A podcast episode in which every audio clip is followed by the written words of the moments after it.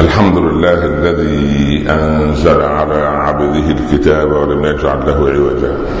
سبحانه له دعوة الحق حرص عليها وأوجب التبشير بها ولتكن منكم أمة يدعون إلى الخير ويأمرون بالمعروف وينهون عن المنكر وأولئك هم المفلحون.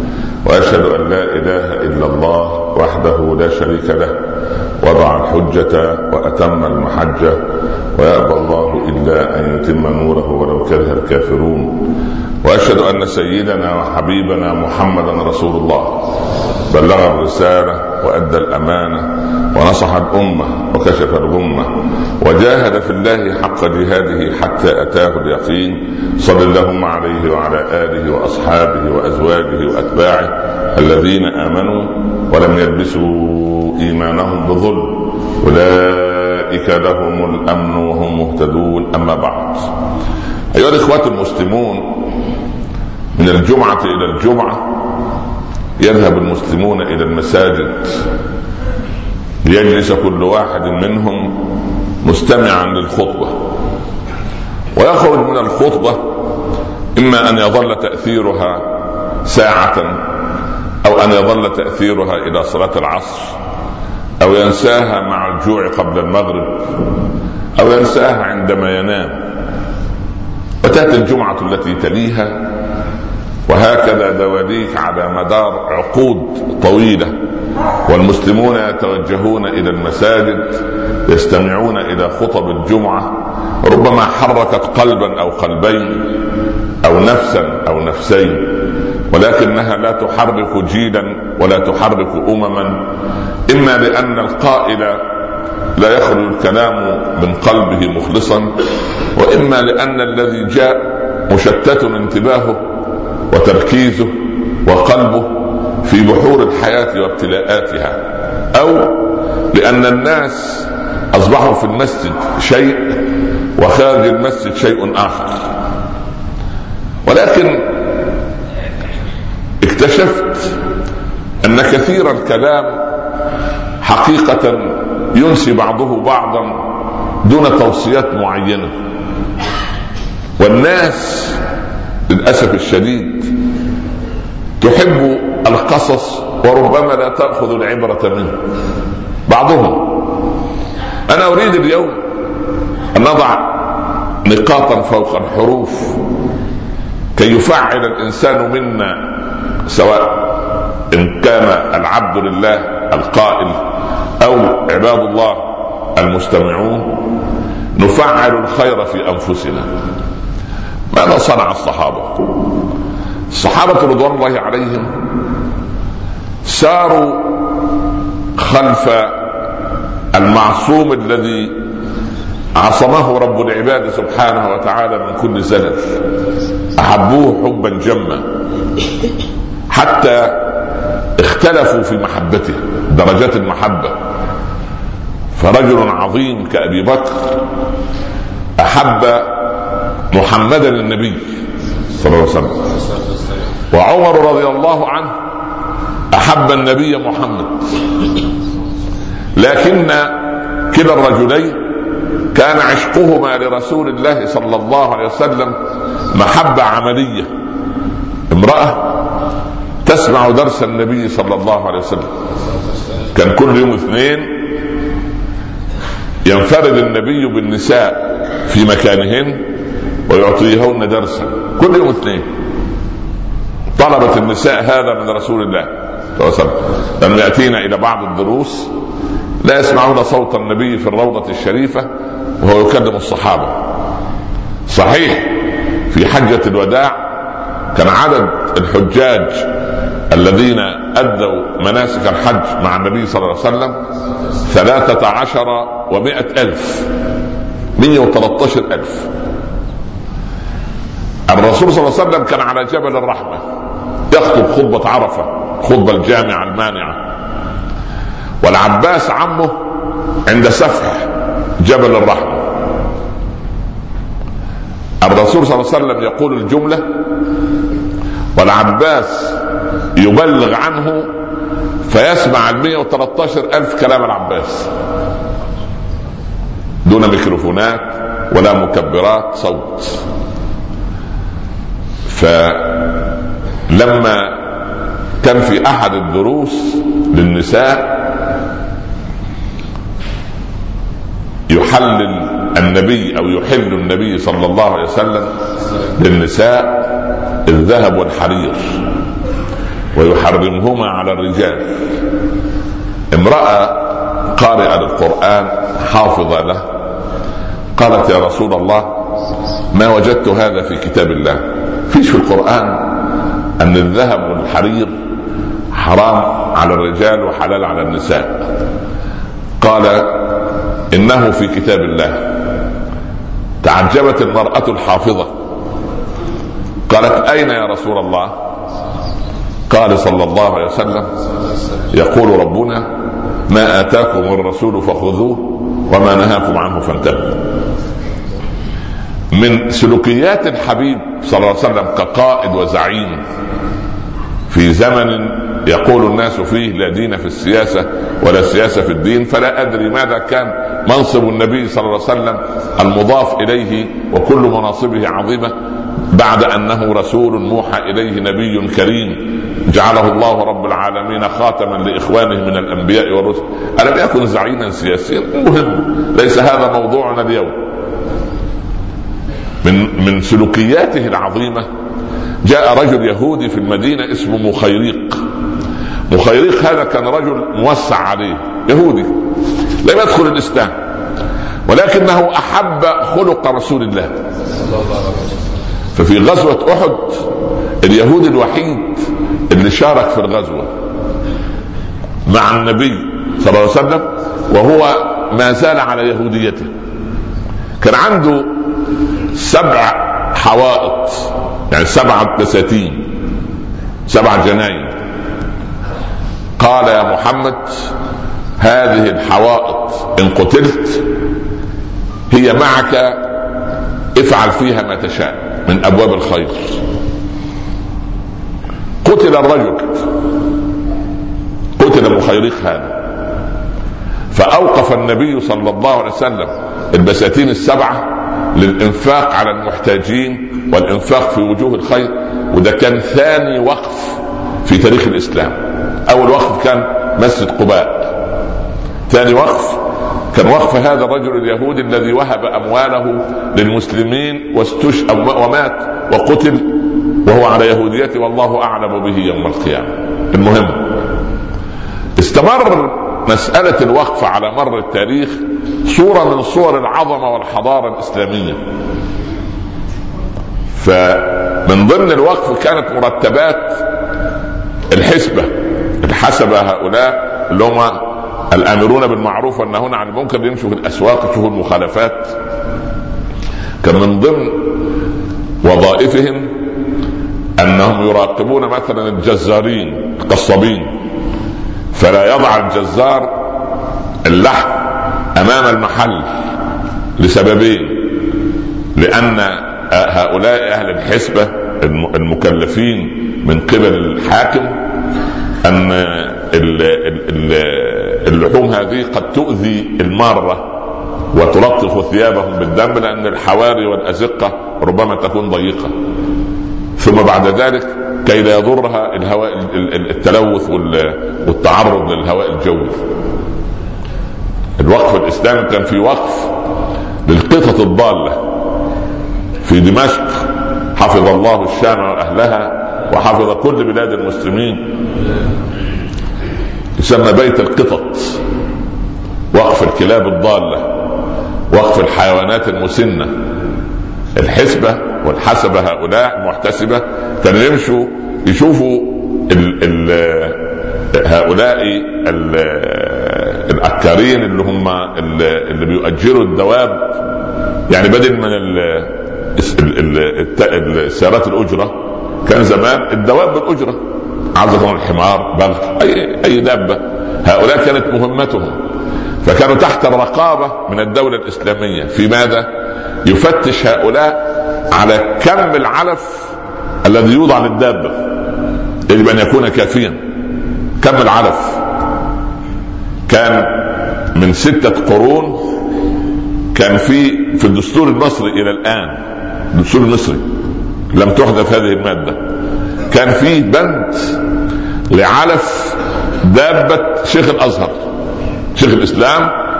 الدابة اللي يركبها سبحان الله لها علف من بيت المال فلا يأخذ راتبه من الدولة. حتى ان قال يقول رأيا حرا. وكان إذا ظهرت بغله شيخ الأزهر في أول الشارع وأنتم تعلمون من زار القاهرة شارع الأزهر شارع طويل أطول من 2 كيلو متر تقريبا يقف التجار يمنة ويسرة احتراما لعمامة شيخ الأزهر. الوقف الإسلامي عجيب. كيف نفعله اليوم؟ هذا هو السؤال. يعني تقول أنت أنا ما هذه أيام ما كان الحكومات الإسلامية ووجود الإسلام وأنت. لا أنا أقول لك أنت. ما مشكلتنا اليوم؟ ضياع الوقف كيف نبدأ؟ كل واحد فينا يشارك في الوقف في صور عجيبة. أنا أريد منك أن تنظر إلى يوم في عائلتك وتستكشف من الولد النابه في العائلة. سواء ابن عمك ابن ابن عمك بني خؤولتك بني خالاتك أقاربك القرية التي جئت أنت منها. انظر في العائلة عندك سوف ترى ولدا نابها عبقري من صغره يحصل دائما على 98% متفوق. حفظ القرآن صغيرا عنده نباهة شاعر أديب من صغره.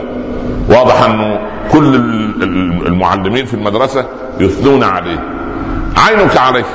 لماذا لا توقف أنت شيئا؟ عندك أربعة أولاد اعتبر أن عندك خمسة. أوقف مالا لتعليم هذا الولد. وإذا كبر الموضوع وانتشر نجتمع جميعا في أن نذهب به إلى أفضل الجامعات العالمية في المستقبل للحصول على شهادات الماجستير والدكتوراه في تخصصات نحن فيها يعني تأخرنا. هندسة الوراثيه وهندسة الجينات وهندسة الحاسبات الاليه وهندسة الطيران الأشياء هذه التي احتل الغرب العالم بها. لماذا لا توقف أنت مثل هذا الأمر؟ لماذا لا يوقف أغنياء المسلمين وقف للشباب الغير قادر على الزواج؟ شاب عنده 30 و35 سنة. لماذا نحن نرى المصائب أمامنا فلقد صعدنا الحلال؟ فصار الحرام سهلا. والصحابة عملوا العكس. سهلوا الحلال فكان الحرام صعبا. فلو أوقفنا أموال وقف نسميه وقف الزواج. كل قرية كل مدينة كل بلد كل محافظة كل دولة فيها صندوق وقف بتزويج المتعثرين في الزواج. رجل عنده خمس بنات. ولا يستطيع أن يزوج إحداهن لأن التكاليف كبيرة أو يعين في الزواج. والآن تشارك البنت الولد في مسألة التجهيز. لماذا لا يكون وقف لمساعدة هذا الأب المسكين بهؤلاء الخمسة أو هاتيك الخمسة من البنات لتزويجهن؟ هذا أمر. الأمر الذي يليه. لماذا لا نبحث في المدارس في في الفرق الرياضية؟ خبراء كرة. في أمريكا الجنوبية وفي هنا وهناك يسيرون في الحواري والأزقة. يجدون ولد عنده سبع ثمان سنوات لكن رجله يقولون عنها أن حساسة نحو الكرة. فتلتقط عين المدرب الخبير ويلحقه بمدرسة الكرة ويصير لاعبا عالميا يباع ويشترى بملايين. أنا أقول على الشاكلة يؤتى بدعاة مخلصين وعلماء فضلاء يطوف العالم الإسلامي. ويزور المدارس ويسمع خطب الأولاد. الولد يقوم يخطب يقول خطبة. سبحان الله. ونرى فيه انه سوف يصير داعية ناجحا مفوها. لماذا لا نوقف اموال من أغنياء المسلمين؟ ليس كل شيء تصنعه الدول والحكومات. نحن نستطيع أن نفعل. الأغنياء غير الزكاة يعملوا وقف. لعالم المستقبل فقيه المستقبل. أوقفت من قبل أم الإمام البخاري مال بعضا من مال ولديها الكبيرين وكانوا بيعملوا في الصيرفة صرافة تغيير العملة. ورأت في ولدها محمد الصغير ذكاء. قالت لولديها الكبيرين هذا الولد الغلام فيه نجابة. اكفلاه ويتفرغ للعلم. فرغ الكبيران الولدين الكبيرين الولدان الكبيران اخذ الإمام البخاري مالا معينا وتفرغ محمد بن إسماعيل البخاري للعلم وقدم للعالم الاسلامي صحيح البخاري. لماذا نحن لا نوقف لنحصل على البخاري مرة أخرى؟ أم الشافعي أخذته من غزة وهو هاشمي وذهبت به إلى مكة وهناك استأجرت غرفة قريبة من الحرم فقيرة وهم من آل البيت لا يأخذون صدقات. فكان الإمام الشافعي يحضر في الحرم ويكتب خلف العلماء على العظام وعلى الحجارة وعلى السعف وعلى الأمر الميسر القباطي في هذا الوقت يعني لم يكن هناك ورق. أولادنا عندهم الحاسبات والأوراق وما شاء الله ولكن لا يحبون عندهم كراهية للكتاب كما كرهه كرهه أبوه من قبل وتكرهه أم وتبغض الكتاب تحب المرآة وما عليها وتكره صفحة مرآة الكتاب فورثت كراهية الكتاب لولدها وورث الرجل كراهية الكتاب لابنه. أما أم الشافعي ورثت حب العلم للشافعي. فماذا صنعت؟ كثرت الأحجار والاشياء التي يكتب عليها الشافعي فضاقت الغرفة. فأصبحت تنام هي ولدها في متر في متر. كزنزانه قالت يا بني بعد ذلك هل نبيت في الشارع؟ الإمام الشافعي في هذا الوقت عنده ثمان سنوات. يعني ولد في الصف الثاني الابتدائي. ماذا صنع؟ عكف أياما فحفظ كل ما كتب. ثم أخذ هذا كله وألقاه خارج الغرفة ووسع على أمه ثم صار الشافعي رضي الله عنه. نحن في هذه البلاد. بيننا الآن إخوة فضلاء مسلمين غير عرب. أنا أدري الآن ما لهم وهم يسمعونني. ينظر الواحد في ساعته لأنه لا يفهم. لماذا لا يوقف بعض من الذين بنوا هذه المساجد الجميلة يعني مالا لترجمة فورية في كل مسجد باللغة الغالبة في المنطقة. هنا يسكن ناس انجليز يجيدون الإنجليزية هنا ناس يجيدون اللغة الأردن هنا البلباريه اللغة الفلبينية إلى هذا الأمر. توضع شاشة لهم أو توضع سماعات كالمؤتمرات التي نراها. يعني بالله عليك الرجل المشرك النجس الغير مسلم يحضر في المؤتمرات. ويضع السماعة ويفهم ما يقوله أمين عام الأمم المتحدة أو غيره. ونحن لا نريد لإخواننا هؤلاء الذين ربما ما قبلت الصلاة إلا من أجل وجودهم معنا. لماذا لا تترجم لهم الخطبة في كل مسجد؟ خطبة ترجمة فورية غرفة ملحقة ويترجم المترجم لهم وتوضع سماعات في الركن المخصص لهم ويسمعون ويفهمون الخطبة. كلنا كعرب عاملين مشاكل في العالم 400 مليون. مسلمي الهند وحدهم 200 مليون. العالم فيه مليار و100 مليون غير عربي. ونحن نظن أن العرب صحيح مادة الإسلام لكن نظن أننا الوحيدون المسلمين في هذا الكون. لا والله إحنا مجرد ربع العالم الاسلامي كعرب. وثلاثة أرباع العالم معطل. وكلما ذهبنا إليهم يشكون إلى الله ظلم العرب المسلمين الذين يقولون عنا إننا أحفاد الصحابة. فلماذا لا يوقف ال ال ال أصحاب المساجد ومرتاد المساجد؟ سبحان الله. لماذا ننتظر أن يتسول المسلمون اليوم لأبنائنا في الصومال؟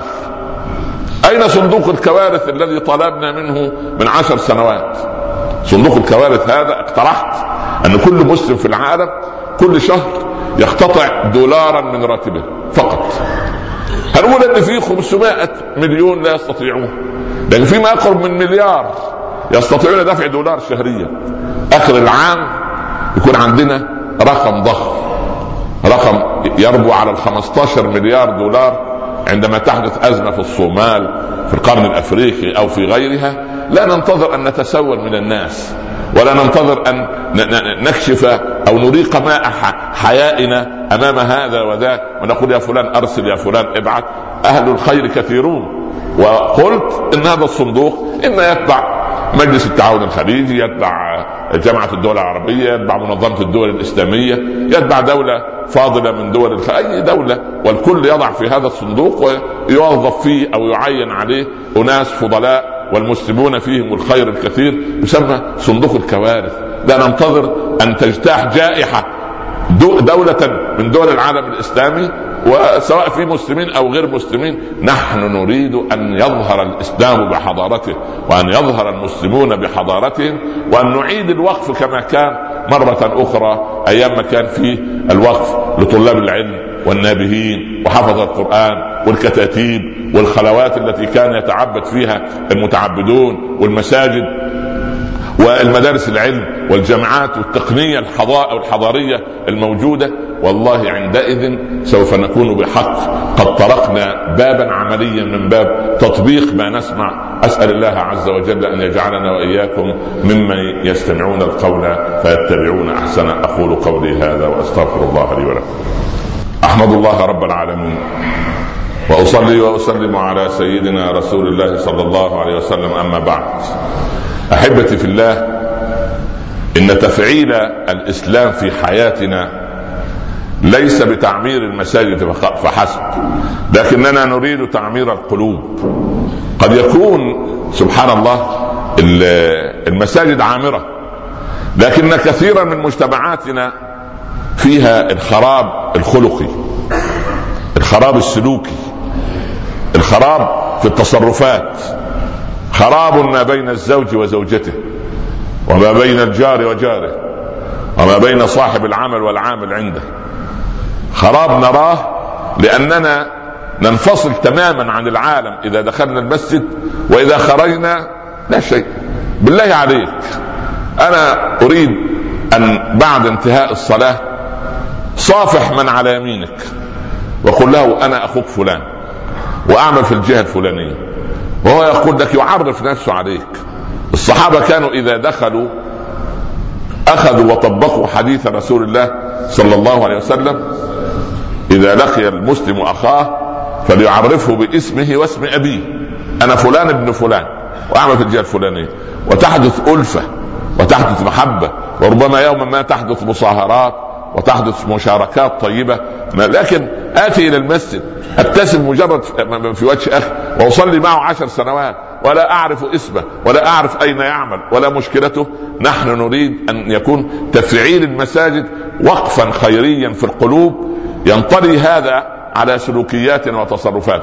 حقيقة الأمر أخواتنا وبناتنا الحاضرات في المساجد أفضل منا. بصراحة إذا جلست معها في دقيقتين تعرف ال DNA بتاعها وفصيلة الدم وما شاء الله متى طلقت ومتى رفعت قضية الخلع في دقيقتين. سبحان الله. يعني يعني يأتي أفراد ال CIA يتعلمون عندها كيف تتلصص على أخبار. المهم ما شاء الله الاخوات هذه ملكات. فأنا أريد أن نتعلم كرجال شيء من هذا الطيب ولكن في الجانب الطيب وليس من جانب الفضول أو الدخول في أسرار الناس. أحبتي في الله قلت لكم في بداية الخطبة إن كثير الكلام قد ينسي بعضه بعضا لكنني أريد أن أحدد أننا نستعيد مرة أخرى وجه الإسلام الجميل وللحديث بقية طويلة إن شاء الله بعد الصلاة بإذن الله. اللهم اجعل جمعنا هذا جمعا مرحوما وتفرقنا من بعده تفرقا معصوما. لا تجعل بيننا شقيا ولا محروما. اللهم فك الكرب عن المكروبين سد الدين عن المدينين اغض حوائجنا وحوائج المحتاجين ارحم أمواتنا وأموات المسلمين. اللهم احقن دماء المسلمين في مشرق الأرض ومغربها. اللهم احقن دماء المسلمين في مشرق الأرض ومغربها. اللهم احقن دماء المسلمين في مشرق الأرض ومغربها. واحفظ عليهم دينهم وأعراضهم ونساءهم وأموالهم يا رب العالمين. اللهم كن مع أبنائنا في فلسطين وفي العراق وفي سوريا وفي اليمن وفي ليبيا وفي مصر وفي الخليج. وفي المغرب العربي وفي شمال الأرض وجنوبها إنك ولي ذلك والقادر عليه. اختم لنا منك بخاتمة السعادة أجمعين. وصلى الله على سيدنا محمد وآله وصحبه وسلم يا رب تسليما كثيرا. بسم الله الرحمن الرحيم والعصر.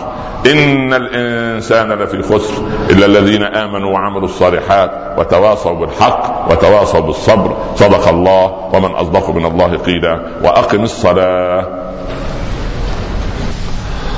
احمد الله رب العالمين وأصلي وأسلم على سيدنا رسول الله صلى الله عليه وسلم أما بعد.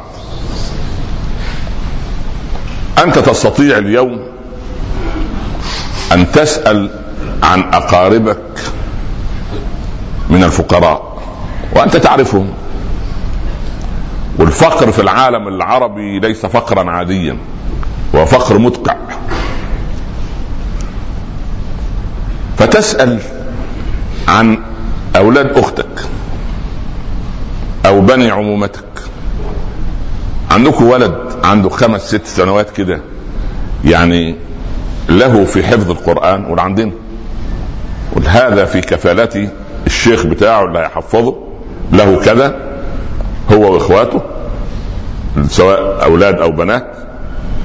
وهذا المال تفهم أولادك أن الجزء ده ده كل سنة يخرج زي زكاة المال. سمنت وقف لتحفيظ القرآن. ربما أنت ما يسر لك أن تحفظ القرآن. طب تعوضها كيف؟ في أمرين. في أولادك وفي أولاد المسلمين. لأن المسلمين تتكافأ دماؤهم. فكلما يعني سبحان الله أضرب المثال ببساطة. المصريون اليوم مثلا 80 مليون مسلم مثلا. إذا صلى منهم 70 مليون وصام 70 مليون وزكى 70 مليون وصنع الخير 70 مليون. عارف كل هذا على مدار 1412 سنة مضت كل هذا الخير في ميزان حسنات عمرو بن العاص. إذا ماذا صنع عمرو من الخير؟ ها. واضرب هذا يعني انت طب عمرو صحابي جليل ويسر الله له. وقف بجوار عمر. لكن أنت من يقف بجوارك إلا إنسان يذكرك بالله. فلماذا أنت لا تقوم بهذا الفعل؟ قل أنا إن شاء الله هكفل خمسة من حفظة القرآن. هكفل اثنين من الشباب اللي ينفعوا في الدعوة. هكفل ولد يطلع متخصص في هندسة نحن نفتقدها. هكفل ولد يخرج طبيب مخ وأعصاب أو جراح كبير قلب أو أو إلى آخره إلى نهاية المرحلة. والله سوف يبارك لك يبارك لك في أولادك يبارك لك في مالك يبارك لك في زوجتك يبارك لك فيما أنت قادم عليه. علمت نفس ما قدمت وأخرت. طب اللي أخرت عرفناه. إيه اللي قدمت؟ أو العكس ما قدمت أنا في الدنيا سوف أجده. طب اللي أخره؟ أنك إذا مت لم تمت معك حسناتك. في ناس لما تموت الحسنات شغالة. بالله عليك. أنا عندما أذكرك وأقول قال بلال ابن رباح ماذا تقول أنت؟ ها؟ رضي الله عنه. لما ملايين ومليارات على مر الزمن تسترضي وتستعطف السماء في رضوانها على بلال رضي الله عنه. ألا يبلغ الرضوان إلى بلال؟ طيب الولد اللي أنت تحفظه القران هذا أو الولد اللي هتخليه على الطريق يعني في المستقبل يكون معلم يكون طبيب يكون مهندس يكون حرفي محترم سبحان الله. يعني بالله عليك الدول لا تتقدم إلا بما يصنعه أو تصنعه شعوبها من الخير. والإنسان تبدأ فكرة بسيطة ولكن مهم ينفذها. وخير الأعمال أدومها وان قل ليه؟ يعني قال عليه الصلاة والسلام اوك سقاءك ولو بعود قش. يعني أنا لو عندي إناء ليس له غطاء ممكن أحط عليه ولو عود قش. بالله عليك عود القش سوف يغطي الإناء؟ لا لكن ماذا يقصد بنا ولنا رسول الله صلى الله عليه وسلم؟ ربما الميكروب أو الفيروس اللي هينزل يقف على العود. فأنت عملت إيه؟ طبقت الآية وأعدوا لهم إيه؟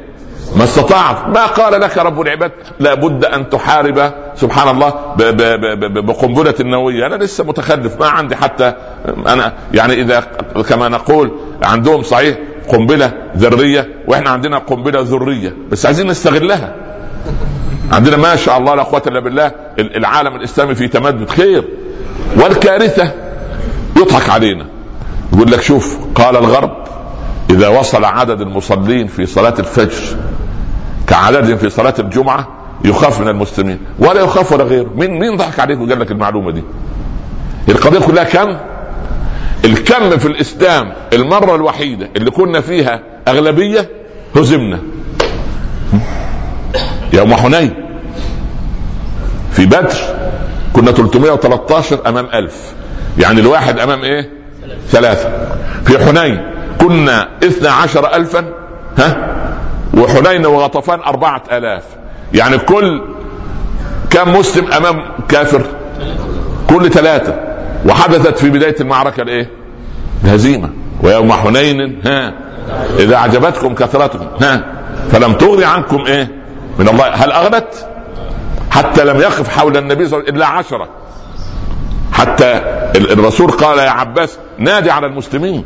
لأن المسلمين دخلوا في غبش الفجر. غطفان وهوازن مقاتلين أشداء. والله الرسول صلى الله عليه وسلم تعب مع العرب تعب. أنت لا تتخيله. العربي أكثر الناس فلسفة. وأكثر الناس عنصرية. عنصري. عجيب. جينات أبي سفيان تسير في الجميع. من دخل دار أبي سفيان فهو آمن. العباس فهمه من ناحية الناحيه السيكولوجية النفسية. يقول له يا رسول الله أبو سفيان رجل يحب الفخر. يحب يتنفخ كده. اديله اديله اعطيه إيه؟ اعطيه إبرة فخار. الرسول صلى الله عليه وسلم عليم بالنفوس مما علمه ربه. من دخل المسجد الحرام فهو آمن. ومن دخل دار ومن دخل داره فأغلق عليه بابه فهو آمن. ومن دخل دار أبي سفيان فهو آمن. فسوى الرسول بين المسجد الحرام وبين إيه؟ دار. فأبو سفيان إيه؟ يا الله. راح لقريش قال لا طاقة لكم اليوم بحرب محمد. هو حاسب. اخذ خذ يا أخي الجزء الجميل اللي في اللي أمامك. كل واحد له مفتاح شخصية. ادخل عليه من المفتاح بتاعه. زوجتك بالله عليك. ملهاش مفتاح شخصية. أنت تقول تقول لا ده كلها أقفال. لا مش كلها أقفال ولا غيره. لا لا لا. هي في فيها مفاتيح بس أنت لم تدرك المفتاح بعد. في واحدة مفتاحها مثلا يعني الذهب بس بس. واحد يرد يقول لك ده كلهم يا أستاذ. خلي بالك صح ولا لا؟ آه. مش أنت بتبقى ماشي كده في أمان الله في الطريق في السوق. فجأة تختفي من هي من جوارك ما تفرحش. يعني لا تفرح كثيرا. هتلاقي واقفة قدام إيه؟ محل المجوهرات وسبحان الله ومبتسمة. وأنت تبكي سبحان الله. المهم يعني طبعا توزيع أدوار. المهم علينا. ف... فكل واحد له مفتاح. واحدة مخ... تحب أباها أو أخاها حبا عجيبا. فعايز تعمل لها مدخل. تقول يا الله والدك ده لا قوه ده الراجل ده مش موجود زي في هذا الزمن. وأنت تقول في نفسك إيه؟ اللهم إني أعوذ بك من النفاق وسوء الأخلاق. سبحان الله. لانك ما رأيت منه لكن هي عندها أبوها ده. أنا مش حكيت لك على الرجل الفاضل. والله عشان أعرفك فقه الأولويات عند المسلمين. ما توحدوا الله. راجل تزوج امرأة بينها وبين أبيها عشق عجيب. في بنات كل بنت معجبة بأبيها. أنا شايف أن أبوها ده يعني هو الرجل جميل لازم تكون بارة وهي تسكن بعيدا عن أبيها بألف كيلو متر بين المدينة اللي ساكنة فيها. والمدينة اللي ساكن فيها الأب والأم ألف كيلو. تستيقظ في الصباح تقول لزوجها إيه؟ أبويا مريض. هو كلمك؟ تقول لا أنا عايز أسأل عنه. يسألوا عنه يجدوا مريض. سبحان الله. زي التوأم. شوية تقول أبويا في ورطة. يتصل بالرجل. شوف العربي حتى في اللهجة يقول إيه؟ يتصل عليه حتى من باب الفخر. يا عم اتصل عليه إيه؟ أنت لازم تتعالى عليا في الاتصال حتى يتصل به. مش عليه؟ المهم ما علينا ما علينا ما علينا. يقول لك فاهم عليا لا إله إلا الله. فاهم مني؟ مش عليا لازم العلو. وفي جينات فراعنه على في الأرض. بلاش على دي على دي بلاش منها. فاهم مني؟ تفهم مني؟ مش تفهم علي. تفهم عليك إزاي؟ عليك يعني أنت من فوق مش فاهم؟ لا عليك مش فاهم. عليه ثياب المهم.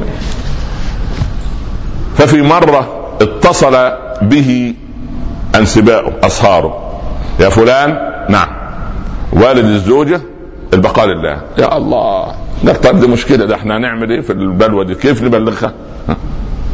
فنعملها لها بالإيه؟ بالتدريج. تحب تزوري ابوكي قول يا شيخ في خمس دقائق كانت جلسه في السياره ده عايز أزور ابوها خرج ورا خارج المدينة اللي فيها بدأ الحوار. قال شوفي إحنا في بلد يعني موضوع التعدد ده يعني موجود. أصل في بلاد فيها سمت التعدد وبلاد فيها سمت التوحيد. وأهل التعدد يقولوا ده توحيد منقوص وتوحيد مغلوط. المهم يعني كلاهما خير فقال والله أنا نويت بصراحة أتزوج عليك. وقعت الكلمة كالايه يعني وقعت يعني خلاص هي وقعت على هذه صح وقعت على. سبحان الله وقعت على. المهم يا يقول لك يا شيخ تضرب فيها شوية تضرب في السيارة شوية وتضرب في نفسها شوية. ثلاث أربع ساعات إلى أن أنهكت قواها. بعد ما اقتربوا من المدينة اللي, مات فيه فيها حماة. حماه الله هذا الرجل العبقري. أقول لك أنا قصته العجيبة. فقال لها أقول لك إيه أنا متزوج منك من كم سنة؟ 26 سنة. لأن عمري كذبت عليك. قلت ابدا يا اخوان ما كذبتش عليها بصراحة. الحتة دي لا الكذب خيبة. إحنا في رمضان. قال لها طيب بصراحة أنا لا أتزوج عليك ولا شيء. أنا بس عندي خبر مش ولا بد. قالت له خير إن شاء الله. قال لها أبوك ها؟ البقاء لله قالت له الله يرحمه بس بالله عليك مش هتتزوج عليا. ده أنت تسميه فقه الايه؟ ها؟ ففقه الأولويات ده واحد فاهم شخصية زوجته. فأنت لو فهمت لاسترحت أنت ليه تعبان؟ مش عايز تفهم. أنا هعمل لك إيه؟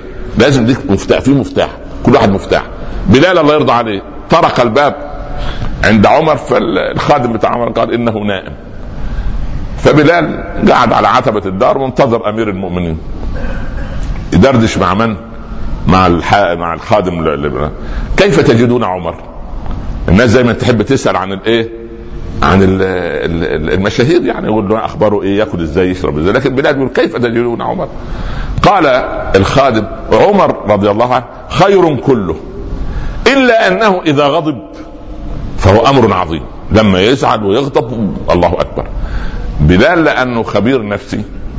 قال لو كنت عنده ساعة الغضب لقرأت عليه شيئا من القرآن حتى يسكن ما به من غضب. يبقى فاهم شخصية عمر أم لم يفهم. الصاحبان الشيخان الكبيران أبو بكر وعمر ورايحين السقيفة سقيفة من؟ سقيفة بني ساعدة اللي فيها الإيه؟ انتخب أول خليفة للرسول صلى الله عليه وسلم. فوهو ماشيين. عمر بيقص بعد ذلك وأبو بكر يقص. كل واحد بيقص اللي اللي كان داخله. ليه؟ لأن الرسول صلى الله عليه وسلم لم يسجى بعد. قاعد عنده الفضل. وعلي والعباس ينتظروا تغسيله وتكفينه لأنه أوصى أن الذي يغسله ويكفنه رجال من آل بيته وحددهم حددهم. وبلغ أبو بكر وعمر أن الأنصار اختاروا سعد كخليفة بدل رسول الله صلى الله عليه وسلم. وكادت تحدث فتنة. وهم رايحين السقيفة. انظر إلى الإنسان لما صح صاحبه. قال عمر كنت أعلم أن في أبي بكر حدة فكنت أجهز كلاما لينا أهدئ به روع أبي بكر عندما يحتد عمر وأبو بكر يقول في نفسه بعد كده كنت أعلم أن في عمر شدة فكنت أجهز كلاما لينا اقوله عندما يحتد يبقى اذا الناس لما تكون فاهمة بعضها تستريح أم لا تستريح؟ تستريح. ده هي زوجتك عارفة ان انت سيرة المال والاسواق والشراء دي بتعمل لك إيه؟ يعني توتر عصبي ونفسي وكله. فكل ما تقعد على الافطار انت مبسوط للصائم فرحتان ها؟ إلا المنغصات. هو فرحتان فرح سبحان الله هو جالس وفرح إن الأكل أمامه وهو شاري وكان جائع المهم يعني. يقول له أنا نسيت أقول لك. لا خير إن شاء الله بس. ساعتها حط قطن في أذنيك. سبحان الله. قالوا؟ استغشوا ثيابهم ووضعوا أصابعهم في أذانهم. طب يا سيدي انت عارف إن هذا الموضوع ينكد عليه. استنى لما يفطر الأول بدل ما يحصل له مغص أثناء الأكل وننقله على المستشفى وندفع مبالغ وتضيع المبالغ اللي كنت تشتري بها. فكل واحد عارف شخصية الآخر. أنت تدري أن زوجتك تكره أن تذكر أمها بالسوء. انت ليه كل شوية تفتح يا اخوانا نريد أن يريح بعضنا بعضا. عايزين نريح بعض عايزين نكون مسلمين بحق. فقضية الكم حكاية صلاة الفجر ده كله كم؟ ليه؟ شوف التصارع على صلاة التراويح. التراويح سنة ولا فرض؟ سنة حلو. طب بالله عليك إحنا المصلين في صلاة الفجر بعد التراويح بكم ساعة؟ هم نفس عدد الصلاه التراويح؟ ليه؟ الفجر صلاة الصبح سنة ولا فرض؟ أيهما مقدم على الآخر؟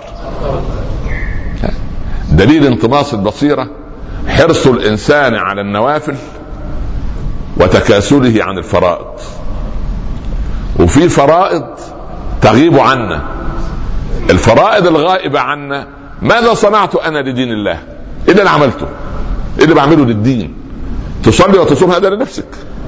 للدين. قال عمر ألقى الرجل فيعجبني فأسأله ماذا قدمت للإسلام يا أخ الإسلام؟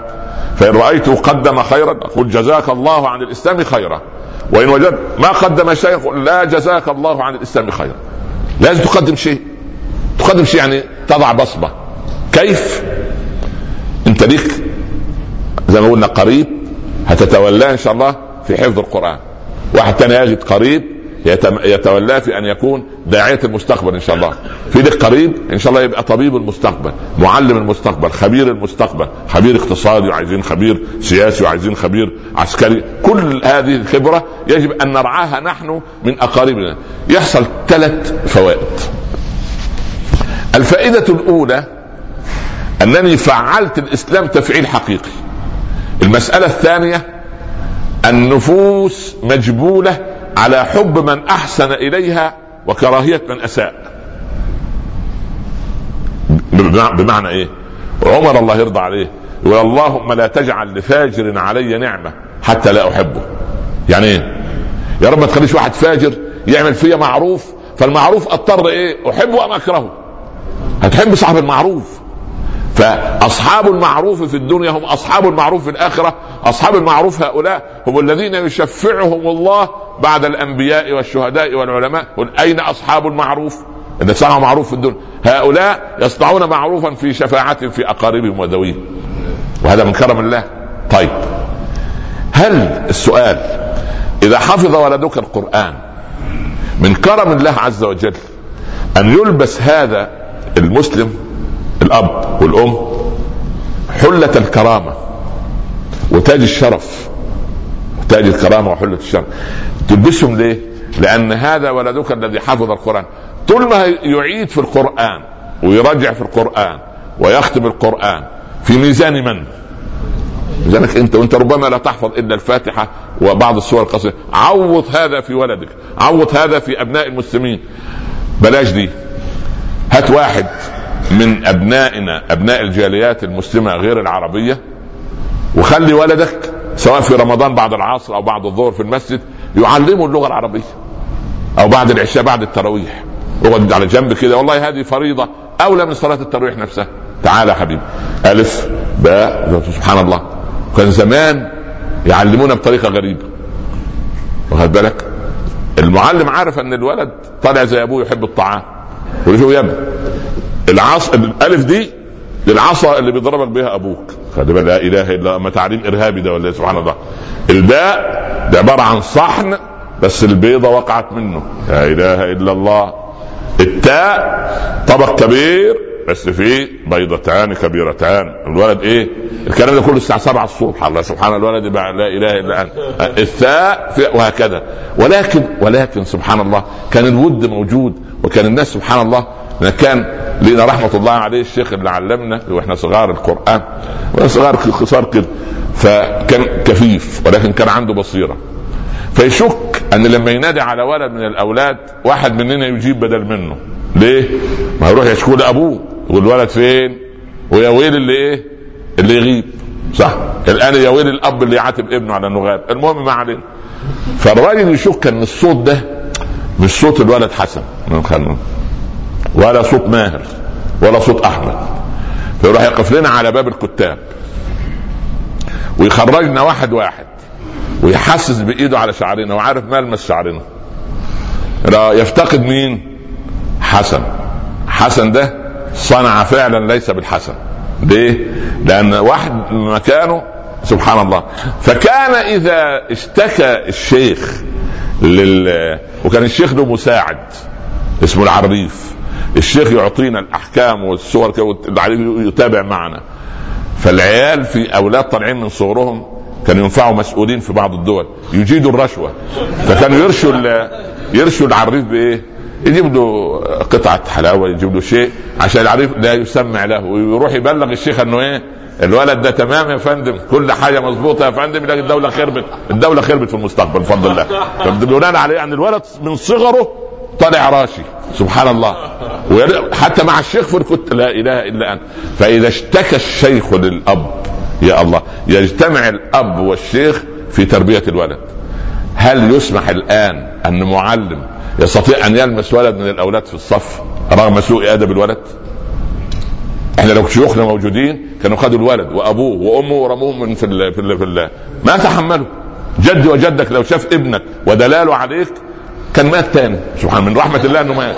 من رحمة الله ان جدك مات. ما رأى هذا ال ال ال هذا ال ال ال الخلل السلوكي الموجود عندنا. سبحان الله. يا راجل يا مؤمن الولد العجيب أن الأب بيستعطف الولد أن يرضى. شيء أغرب من الخيال. يا أخي الله يرضى عليك.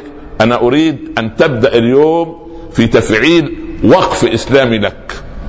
اعمل شيء. اعمل شيء والله لن يضيع عند الله عز وجل ابدا ان لا تستطيع ان تعمل بنفسك في هيئات يا أخي ما شاء الله هنا في الدولة بتعمل مساله الوقف وبعدين سبحان الله أنا ما زلت اؤكد على موضوع الا ننتظر الكوارث حتى تقع ثم بعد ذلك نبدا في إيه؟ في تفعيلها. المسلمين بفضل الله كما قلنا من قبل كان في اوقاف عجيبه عند ال عند ال ال المسلمين الأغنياء والأثرياء. قلنا لكم عن وقف إيناس المريض. سبحان الله. يروحوا في المشافع المستشفيات زمان يوقفوا أموال لناس. رواتب. ياخذوا تفرغ. الناس دول يجيدوا القصص والحكايات والآيات والشعر والأحاديث التي تبعث على الأمل. ويقف بعيد عن المريض بطريقة غير مباشرة ويرفعون أصواتهم بالحكايات الجميلة فيستشري الأمل في قلب المريض. إيه الأحاسيس الراقية دي؟ دي موجودة في. في يعني موجود في الغرب دلوقتي يقول لك بنك القلق. تقوم الساعة 2 بالليل قلق تتصل برقم معين. أنا عندي أرق. ليه؟ صديقة تركتك صديقتك تركتك. يقول لا لا ده امي انتحرت. في داهيه يا انت وهي سبحان الله. المهم يا سبحان بنك القلق. لا إله وعندهم بنك لبن الأمهات. يجمعوا لبن الأمهات الزيادة يحطوه في إناء واحد. فكله بقى في الزريبة عزك الله اخوات في الرضاعة. يا الله ما فيش ما فيش حدود. والانسان لما تنقطع صلته بالسماء تصير حيوانا أعجب. والعربي كما قال ابن خلدون واصفا لهم العربي لا تصلح إلا رسالة. اللي عايز يدخل بمفتاح شخصية عند أي عربي أو عربية لابد أن يدخل له من مفتاح الدين. غير مفتاح الدين لا تتحكم فيه. لا, لا شوف يعني تقول أنت عن رئيس سابق وملك سابق ووزير سابق لكن لا تستطيع أن تقول عن ابن تيمية سابقا صح ولا لا؟ صح أبو حنيفة سابقا ماذا تقول أنت؟ ها؟ لما تيجي فتوى تقول إيه؟ ها؟ يقول ها؟ أبو حنيفة يقول يقول بفعل إيه؟ مضارع أبو حنيفة مات سنة كام؟ 150 هجرية لكن ما زال إيه؟ الناس موتى وأهل العلم أحياء. أنا مش عايزك تموت بعد موتك. أنا عايزك تحيي القرآن في قلب قريب لك أو قريبة لك. يا سلام لما كل سنة تقول لزوجتك اليوم إحنا عايزين كل سنة نختار ولد من العائلة فقير نزوجه. نشوف تكلفة الزواج كام؟ ونعطيه أنا وأخويا نشارك في تزويج واحد أو تزويج اثنين. ولو كل ثري في عالمنا العربي والإسلامي سبحان الله قصد أن يزوج عشرة من أبنائنا سبحان الله الأمر هيتيسر بفضل الله عز وجل. أم لم يجمع الصحابة لجليبيب رضي الله عنه شوية تمر وخير وتزوج جليبيب رضي الله عنه بشيء من اليسر وشيء من السهولة؟ لكننا عندما نعقد أمر الحلال تصير كارثة. لو عقدنا أمر الحلال الحرام يصير سهل الحرام يصير بسيط. لكن الصحابة يسروا أمر الحلال. أمعك شيء من القرآن؟ يقول نعم يا رسول ما معك؟ الفاتحه والإخلاص. بس بهما زوجناك. مهر. اذهب إلى بني فلان وقل لهم إن الرسول صلى الله عليه وسلم يقول زوجوني. ها؟ لما جلابيب كان شكله دميم الخلقة آه، فقير وبعدين قال اذهب إلى بني فلان فقل لهم فالأب أحرج. ليه؟ لأن كل المدينة رفضت زواج جليبيب فقير ودميم يعني ما فيهوش صفة حسنة. فقال طب أستشير أمها. هو الأب عايز ياخد فرصة بس للإيه؟ كيف يرد؟ فالأم أول ما قالت إلا جليبيب تزوج أي واحد إلا جليبيب البنت سامعة من جوه بس مرباه على كتاب الله. قالت يا أبتي يا أمي هل تردان رسول رسول الله إلا بما يرضى رسول الله؟ يا الله. شوف البنت لما تكون إيه؟ تربت على الدين. لكن معقولة أنتوا تردوا الرسول اللي جاي من عند الرسول صلى الله عليه وسلم بما لا يحب وتزوج جليبيب. وعبد الله بن أبي وداعة يغيب من درس سعيد بن المسيب كبير التابعين. يوم اثنين ثلاثة افتقدوا. أين عبد الله بن أبي وداعة؟ جاء. أين كنت؟ قال والله ماتت زوجتي.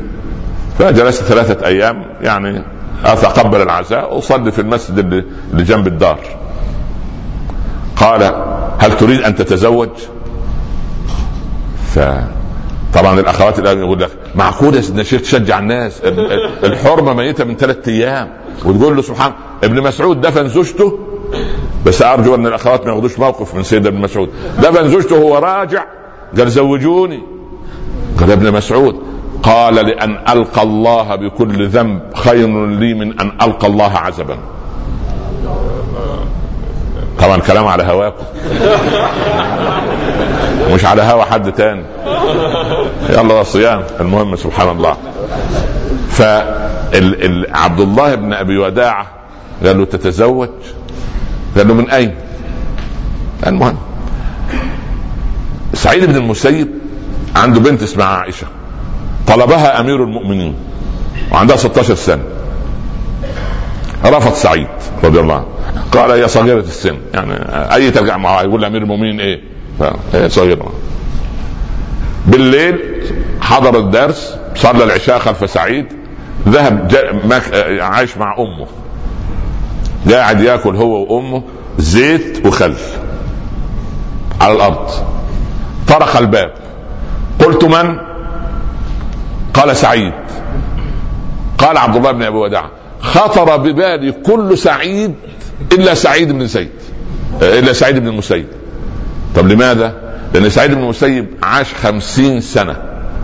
من الدار إلى المسجد ومن المسجد إلى الدار ما رأى فيها قفا مصلي. عارف يعني إيه ما رأى قفا مصلي؟ رضي الله عنه رضي الله عنه. فتحت فتح لي سعيد ومعاه شوية مريدين وواحدة من الخلف متغطية. مرحبا مرحبا. قال ما أردت أن تبيت الليلة من غير زوجة. اتصاهرني ده اللي كان يسلم على سعيد بس يبقى حاز الخير كله. كمان ياخذ بنت الرجل الصالح.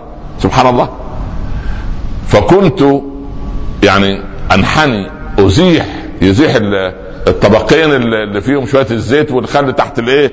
تحت الاريكه عشان عروستي اللي داخلة على بيت ما فيهوش يعني أعزك الله. المهم قالت أمه أخرج يا سعيد. الجارات سمعوا. ودايما والله المرأة فيها شهامة. الجارات نادت الأم إن سعيد سيتزوج. الليلة الجارات اللي عندها شوية تمر اللي عندها غطاء اللي عندها لحاف صغير اللي عندها سجادة اللي عندها قعب من الماء اللي عندها سبحان الله كوز من البيت اتملى الخير من الجيران. وسبحان الله صلى سعيد آه، آه، عبد الله بن وداعه الفجر ورجع عشان يطمئن على زوجته يوقظها للفجر ويرجع للدرس. قالت له إلى أين أنت ذاهب؟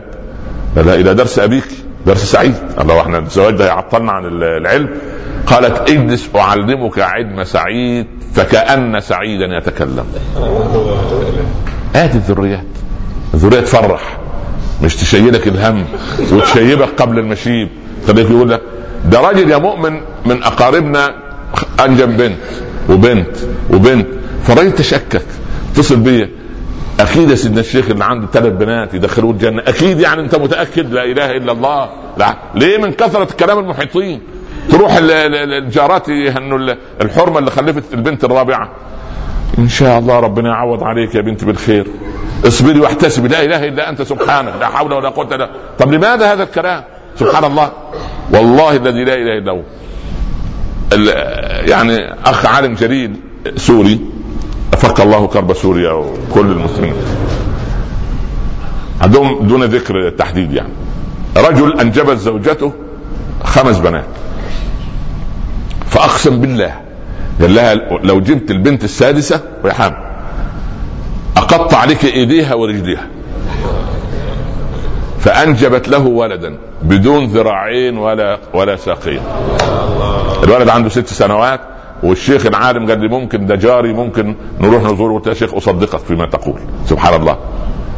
والراجل عنده ست بنات وزوجته حامل أو سكت على وضع راحت عند أهلها. دي حصلت إيه قريبا. حد هنا عندنا هنا. يعني لا أقول الدولة ولكن هو مقيم. فلما راحت عند أهلها تضع اتصل بها بالتليفون. قال لها لو جبت البنت رقم سبعة خليك عندك. فنام رأى رؤيا القيامة قامت. والملائكة واخدينه على النار. والأبواب جهنم السبعة مكتوب عليها واحد اثنين ثلاثة أرقام. فاقترب من الباب الأول وجد بنته الكبرى. قالت لا ده أبويا. أبويا لا يدخل هنا. فصرفوه. الباب الثاني البنت رقم اثنين. الباب السابع معلوش حد. فهبت النار عليه من داخل الباب فاستيقظ من من الخوف فاتصل بزوجته. قال لها يا ريت تجيب لنا بنت إن شاء الله ربنا يبارك فيك إن شاء الله. بس أنا عايز تؤمن إيمان غيب لا إيمان شهادة. الذين يؤمنون بالغيب. ها إن شاء الله يا ترى فكرت في الكلام اللي أنا قلته لك اليوم.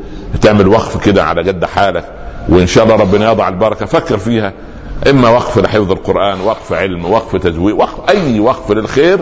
أما الوقف اللي هو صندوق الكوارث الذي أقترحه من سنوات هذه مهمة الدول وإحنا كلما جلست مع أحد المسؤولين في كل بلاد العالم الحقيقة أفتح معه هذا الموضوع من سنوات. ولكن إن شاء الله ربنا يلين القلوب ويشرح الصدور ويتقبل منا ومنكم. لا تنسونا من صالح الدعاء. والسلام عليكم ورحمة الله تعالى وبركاته.